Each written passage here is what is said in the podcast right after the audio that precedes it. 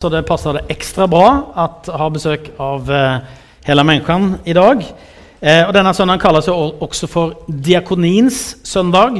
Eh, diakoni kommer jo fra grekiske, og eh, det kanskje du redan vet, det betyr helt enkelt at, at tjene.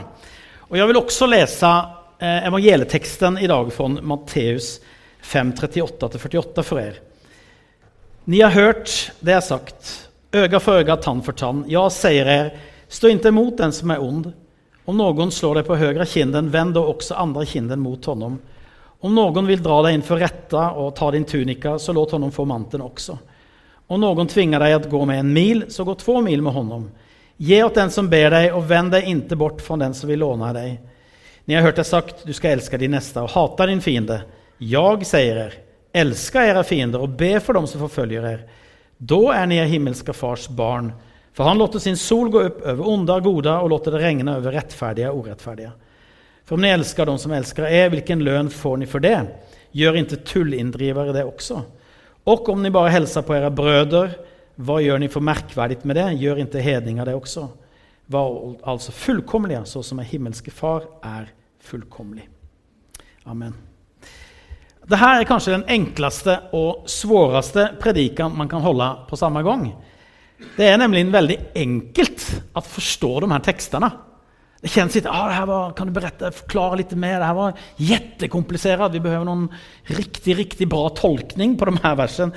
Det er veldig veldig tydelig, og alle kristne er også faktisk overens om dette at vi er kallade at elske vår neste og hjelpe mennesker med behov. Samtidig er det svårt derfor at man kjenner at det här budskapet er utmanende. Og jeg tror inte varken man kan predika eller lyssna till en sån predikan utan att låta sig påverkas till att göra det ordet säger. Men så har jag en fråga. Varför är det utmanande? Varför känner jag kanske, och kanske du också ibland, att det här är lite utmanande? Jag tror kanske det finns en blind spot. Eh, många av oss har som vi ska komma tillbaka till å titta på varför det her er utmannende. Skal det egentlig være utmannende? Det skal vi titte på litt senere, Men vi skal titte på tre saker. Medmenneskelighetens ursprung, drivkraft og hvorfor medmenneskelighet på mange sett er meningen med livet her på jorden. Og det første er Guds hjerte er medmenneskelighetens ursprung. Varför er Bibelen så opptagen av dette temaet? Vi får et hint i den teksten vi leste fra 5. Moseboken.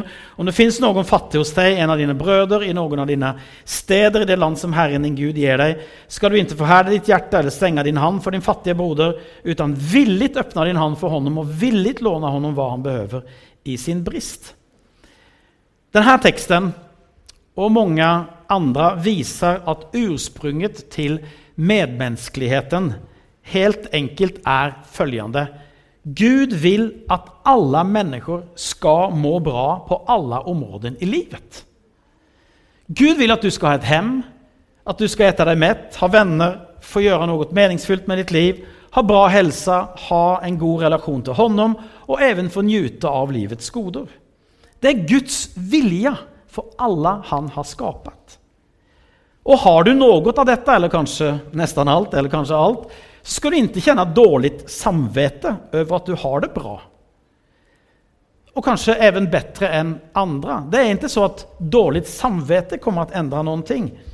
Men det du ska veta det är att det är Guds vilja att alla människor ska må bra. Och det är det som skapar i oss en kärlek, en önskan, en längtan om att göra förändring for de som ikke har det kanskje så bra som oss. Vi har fire barn, og når Simeon, vår eldste sønn, ble født, så ble mitt liv forandret for alltid. Jeg kommer ihåg da jeg holdt honom i min favn første gangen. og liksom, altså, Den type av kjærlighet har jeg aldri kjent. Den var så sterk. den var så jag ska skydda dig, jag ska, liksom, jag ska ta hand om dig, jag är pappa nu. Jag man kände liksom man fylldes med en speciell kärlek. Eh, sen fick vi tre barn till. Och det var inte så att nu blev liksom den kärleken till Simon den blev delad i fyra. Så nu har du liksom bara 25% kvar till honom. Alltså nu blir det liksom svagare. Eh, visst så fanns det inte alltid tillräckligt med pengar och energi och tid. Men om något hände, liksom, eller det var någonting speciellt som man bara kände att Nej, men vet du vad? jag älskar mina barn. Jag vill göra allt jag kan för att de ska ha det bäst möjligt på alla sätt. Och Tim Keller han säger att föräldrakärleken kanske är den kärleken som är närmast för oss att förstå hur Gud liksom känner. Därför att den gir ofte uten at få noe tilbake. Altså, Gud behøver jo ingenting, så han gir ikke for at han behøver liksom oppmerksomhet eller at noen skal takke honom. Men han gir bare for at han vil gi. Og det, det ligger jo også, vi som foreldre er ikke perfekte, så klart, men det ligger liksom i foreldrekjærligheten. Og precis som det fins tilrekkelig med kjærlighet til alle våre barn så har Gud tilrekkelig med kjærlighet til alle barn som han har skapat. Och det ser vi i dagens texter, at han har valgt å formedle den kjærligheten gjennom det han har skapat i naturen. Det regner over alle, solen skiner på alle. Det er liksom, varsågod, det her er for alle'. Og sen også gjennom deg og meg. Han har tenkt at denne kjærligheten som han har til alle skal formedles gjennom deg og meg. Ni kommer kanskje ihåg når vi leste Ordspråksboken tillsammans så står det i, vers, i kapittel 19 og vers 17. Den som tar seg an de fattiga lånat åt Herren och ska få sin lön av honom. Och Det här är orsaken till att kärleken till nästan är så stark i den kristna tron.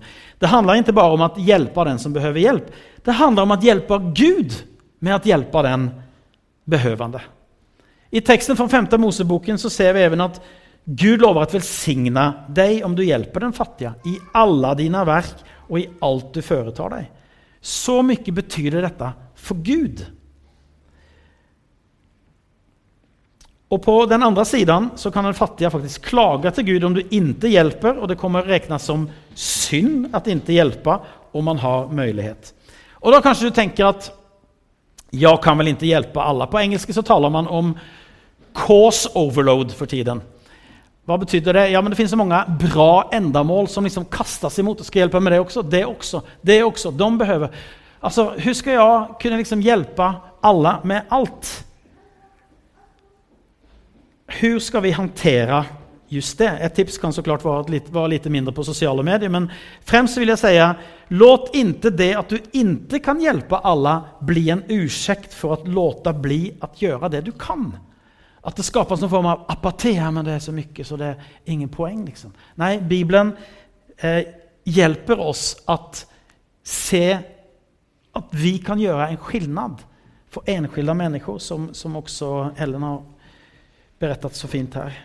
Självklart kan ingen hjälpa alla, men brukar vi inte säga men alla kan hjälpa någon? Det är poängen i den här versen, därför det står om förhärdade hjärtan och stängda händer. Eller det står inte om det, men det är, liksom det, det är motsatsen då, till ha villiga händer, ha öppna hjärtan. Det Gud vill göra med oss är att ge oss villiga hjärtan och öppna händer. Så låt inte allt det där stänga ditt hjärta, men bevara ditt hjerte sånn at det fortfarande er øppet. At det er villig, og at dine hender er öppna. Det er innstillingen som kommer fra Guds hjerte. Så vår tro på människans lika värde er grundat i noe sterkere enn en politisk majoritet i frågan. Eller en, at en organisation som FN sier det. Det er jo bra at de gjør det. Men tyvärr så finns det krafter som hotar dette. Till exempel hur vi ser på människor med funktionshinder eller människor vid livets början eller slut. Det kristna människovärdet har sin grund i skaparen själv som säger att en människas liv är heligt från dess början till livets slut, oavsett hur mycket vi kan prestera eller förstå. Det kristna människovärdet är grundat i att människan är skapad av Gud. Och diakoni och medmänsklighet hänger i ihop med skapelsen og Guds hjerte for sin skapelse. Det er det jeg forsøkte å si nå. Det liksom kommer derfra. det er ikke noen glup mennesker som har funnet på det her, men det er Gud selv som har det her alltid på sitt hjerte. Men den henger også i ihop med forsoningen. Derfor at Gjennom synden så kom det inn et problem som ingen mennesker kan løse. Gud behøvde, i stedet for å dømme oss, så løser han det selv gjennom å overvinne döden och de her maktene som vill förstöra hans skapelse. Han visar sin kärlek till varje människa genom att själv dö för oss. Och om han älskar oss så mycket så ska vi också som hans barn älska alla människor lika mycket. lika mycket. Alltså jag tycker om namnet hela människan som vi gästas här idag. Därför att Gud bryr sig om hela människan. Till ande, själ och kropp. Därför er det olykkelig at, at, olyckligt at diakoni og misjon har blivit skilda opp gjennom kirkehistorien. Du kanskje ikke har tenkt så mye på det, som jeg tenker på som pastor og teolog iblant. og liksom, man studerer på det her, undrer hur, har det blivit så her. og Jeg skal ikke gjøre noen djup analys av det, men, men en orsak kan være den såkalte, kall, så neutralitetsbluffen, som sier at det fins värdegrunder som er neutrala. Det finnes så klart internøytrale värdegrunder, derfor at ateismen, eller sekularismen eller naturalismen, de er internøytrale like lite som den kristne värdegrunden er det. Men om man da till får penger fra staten for å hjelpe människor eh, mot at man ikke får forkynne, så skaper vi et skilje som ikke fins i Bibelen.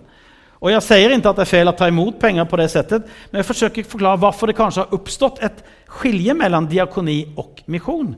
På den andre siden så kan det være bristfällig teologi som gjør at en del kristna miljöer är upp, mycket upptagna av mission men inte diakoni. Vi måste rädda flest möjligt till himlen. Och det är viktigare än att hjälpa med mat och kläder eller stoppa trafficking till exempel. Visst måste missionsuppdraget vara en spets i församlingen, men Gud vill att människan ska ha det bra till ande, själ och kropp. Och därför är mission och diakoni två sidor av samma mynt. Och det fins mye mer å si om det og det fins sikkert nyanser som jeg kan missa. Men det viktige er å forstå at i Guds hjerte så fins det en ønskan. det viser både skapningen, skapelsen og forsoningen. Et ønske om at alle mennesker skal må bra på alle livets områder. Det er medmenneskelighetens kjelle som springer ut fra hans hjerte. Det andre vi skal titta på er medmenneskelighetens drivkraft, er kjærlighet og sanning. Jag tror det er veldig viktig når vi taler om dette temaet, at hjelpe oss å bli av med dårlig samvete. Mange saker kan driva oss mennesker. Både dårlig samvete, ibland fruktan eller ambitioner og egne veier. Det kan funke faktisk som drivkrafter ibland, men de, de har ingen langsiktig eh, varaktighet. Og du mår ikke bra av dem själv. Det enda som funker som drivkraft långsiktigt och som gör att du själv mår bra, det är kärlek och sanning som vi leser i texten från Romarbrevet. Var inte skyldiga någon något utom i detta att älska varandra. Den som älskar sin nästa har uppfyllt lagen. Buden, du skal ikke begå ekteskapsbrudd, du skal ikke mörda, du skal ikke stjäla, du skal ikke ha begjær. Og alle andre bud sammenfattes i dette ord. Du skal elske din neste som deg själv. Kärleken gör inte sin nästa något ont, alltså är kärleken lagens uppfyllelse. Så härligt, tydligt, enkelt kan det sägas. Men vad är lagen? Ja, men det är ju ett uttryck för Guds sanning.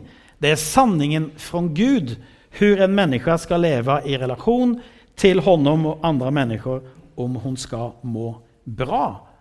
Så Gud har alltså gett oss, uppenbarat for oss, Hvordan skal vi leve? Hvordan skal vi liksom funke. Så her skal ni leve. Så han har også gitt oss sanningen. Eh, og, og, Man kan kanskje tenke ja, ja men det vil jeg jo. Jeg vil leve som jeg var skapad at leve. men hvordan gjør jeg det? Gjennom å elske de neste. Det, er, det, er, liksom, å, det er så svårt det her med liksom hva, alt som Bibelen sier. Ja, men så sammenfatter faktisk Jesus det her også. Eh, og Paulus sammenfatter det. Elske din nästa. Kärleken, det er precis som i punkt 1, kjærleken driver Gud til å elske oss. og den kjærleken driver oss til å elske vår neste. Men begreppet kjærlighet i sammenhet, det kan jo bety så jättemycket olikt dag. Det, det har urvattnet også. Det kan even bety å være egoistisk, liksom at, at, at følge sine kjensler. Så viser Bibelen hvordan kjærlighet og sanning hører ihop. hop. F.eks. det her budet om ekteskapet, som han drar inn her i denne här texten. hører det det ihop med medmänskligheten? Hvorfor kopplar han det ihop med att älska sin nästa? Därför att jag skyddar äktenskapet inte bare därför att jag inte vill bryta en regel. Liksom. Det är liksom, ja, men jag vill inte bryta en regel, da får jeg straff. Nei, det er ikke det som motiverer meg. Det er kjærligheten til min neste. Det hva det skulle gjøre mot min make, mot min neste. Så jeg gjør det av kärlek. Och vi brister jo i det her, men da kan vi komme til Gud igjen og bli påfylt av kärlek Sånn at vi fra og med i dag lever i kjærlighet. Det er liksom den kristnes start på dagen. I dag vil jeg leve i kjærlighet. Takk for forlåtelse for det som har hendt. I dag vil jeg leve i kjærlighet. Kjærligheten gjør inntil sin neste noe ondt, leste vi også.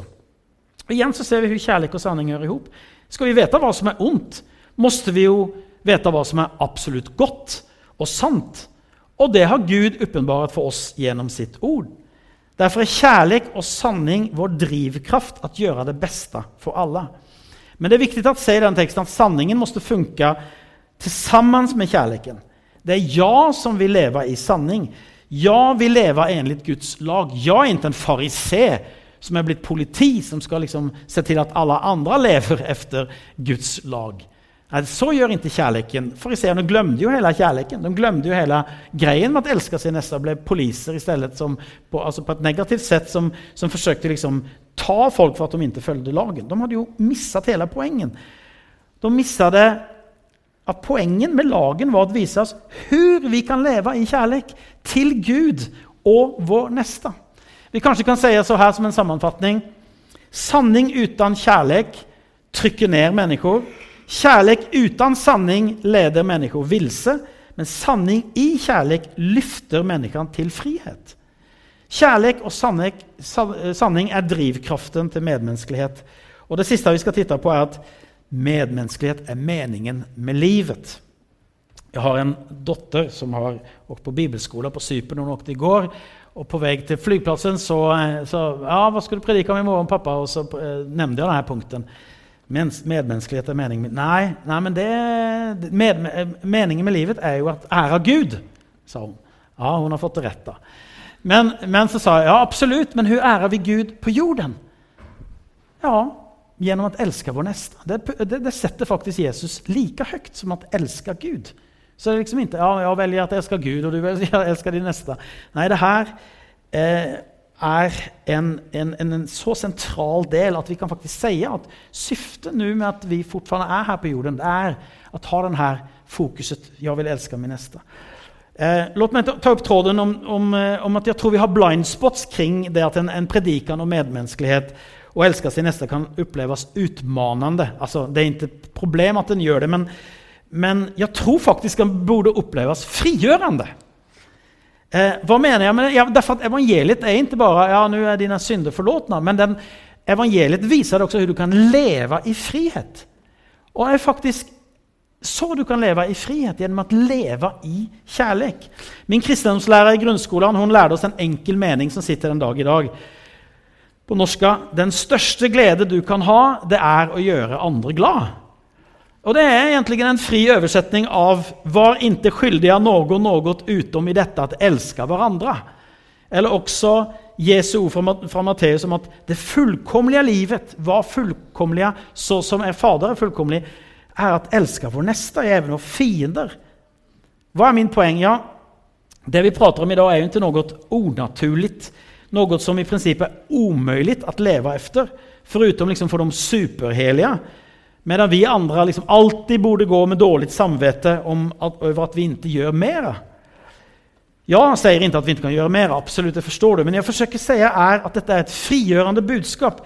Ingen av oss er jo skapade til å være egoister. Det er jo da vi blir bundne. Eh, vi blir frie og glade av å elske, av å gjøre godt. Det er det vi er skapade til.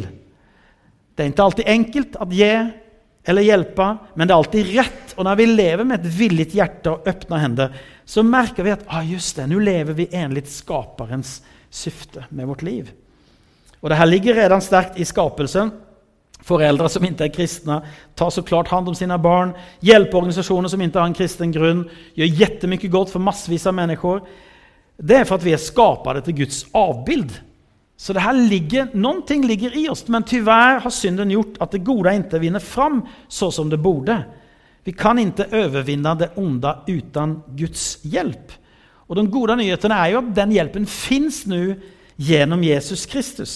Ingen har elsket sin neste som honom, og det gjorde han i glede, sier hebreerbrevet. Det var altså, det var tøft for Jesus, det kostet ham livet, men det var en glede som drev honom i å gjøre det, for at han så hva det, kunne, hva det kom til å åstadkomme for deg. Så jeg tykker vi skal gjøre tre saker. Kast av deg alt dårlig samvete. At du liksom borde gjøre meg. Gå ikke hjem ja, jeg borde gjøre meg, det var medmänniskan i dag. Nei, det er ikke liksom, da har jeg mistet, Liksom. Da har jeg ikke fått til det i dag. Eh, det kommer ikke til å hjelpe deg eller andre. Det kommer bare å plåge deg. Sen tycker jag att vi ska titta på vad vi redan gör av kärlek till vår nästa. Inte för att berömma oss själva, men liksom bara för att lyfta fram det och uppmuntra det så det blir mer av det. För att se hur Guds kärlek redan verkar i oss. Jag vill till exempel uppmuntra alla föräldrar som ställer upp för sina barn igen och igen. Det är inspirerande att se hur mycket kärlek som finns, även om du kanske inte alltid får så mycket tillbaka.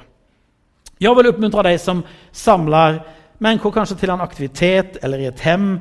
Takk for at du bryr deg om andre. Kanskje noen ikke er ensomme i dag pga. det du har gjort. Jeg vil takke alle som går til, eh, gir til kirken og til hjelpeorganisasjoner. Det er kjærlighet som forandrer verden for enskilde mennesker. Og vi kunne fortsatt med massevis av eksempel. Og hør og hepna, jeg vil så her på valdagen even lyfta fram noe så tråkigt som at vi betaler skatt. I tekstene vi leser i Bibelen, så fins ikke et skattsystem som i våre länder der man ser til at mennesker som behøver vård eller skola eller penger til mat og boende får det gjennom at vi betaler skatt.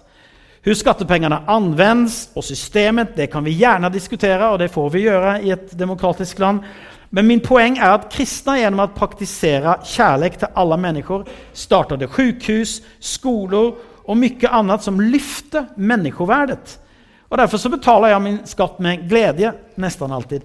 Nei, men altså, Tanken Send diskusjon om hvordan det er anvendt, alt det der. Absolutt, det hører ikke til her i predikostolen.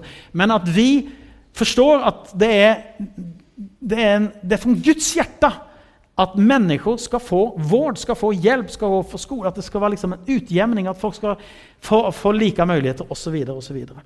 Så vi ber for alle politikere at de skal få lede våre steder og vårt land på beste sett for at alle mennesker skal få leve et så bra liv som mulig. Og kan kanskje ikke räknat med å høre från skatt från predikosol, men jeg forsøker først liksom lyfta det vi redan gjør og vise det hvordan den kristne kärleken til vår neste redan er verksam på mange nivåer og områden. Og min huvudpoeng, låt oss gjøre mer, absolutt, ta med deg det. Men ikke av dårlig samvete, men derfor at dette er meningen med livet her på jorden. At elske vår neste. Det er ingen som kommer gi deg mer tilfredsstillelse enn å leve i kjærlighet. At leve med seg selv i sentrum kommer ikke å gjøre deg fri og glad, derfor at det er ikke hva du er skapt for. Det fullkomlige livet ligger i å elske vår neste og even forandre verden gjennom å velsigne og elske våre fiender, om det også kreves av oss. Kärleken, mine venner, det skal jeg avslutte med, alltid svaret på hvorfor. Og derfor er den meningen med livet. Hvorfor skapade Gud oss? Kjærlighet. Hvorfor dog Jesus for oss? Kjærlighet. Hvorfor kommer han tilbake for å återopprette sin skapelse? Kjærlighet. Tron som vi pratet om sist søndag, svarer på, på hva liksom, og hvor vi skal gjøre det. Den gir oss kraft til å agere, Men kjærligheten er alltid svaret på på hvorfor. Kärleken säger jag vill hjälpa dig därför att jag älskar dig som en medmänniska. Tron säger jag tror det är möjligt att göra en skillnad och jag vill handla på det jag tror. Hoppet säger allt kommer bli bra, så fortsätt att göra gott. Hur önskar du fortsätta leva som en medmänniska i tro, hopp och kärlek i din värld i tiden som ligger framför dig? Låt oss be. Himmelske Fader, Jesus Kristus, du er den store medmennesken. Ingen har tjänat så som du. Ingen har elsket så som du. Og når vi har møtt din kärlek så frigjør du oss att leve enligt det vi var skapade til. Og jeg ber om at de her orden, at ditt ord, at denne gudstjenesten at den bare liksom skal Uppmuntra det som finns i oss. Tack att du har skapat oss att älska. Och tack att vi ska få fortsätta i samma riktning och se att det ger ännu mer frukt, att ännu fler människor kan få hjälp genom vårt liv. Vi ber i Jesu namn. Amen.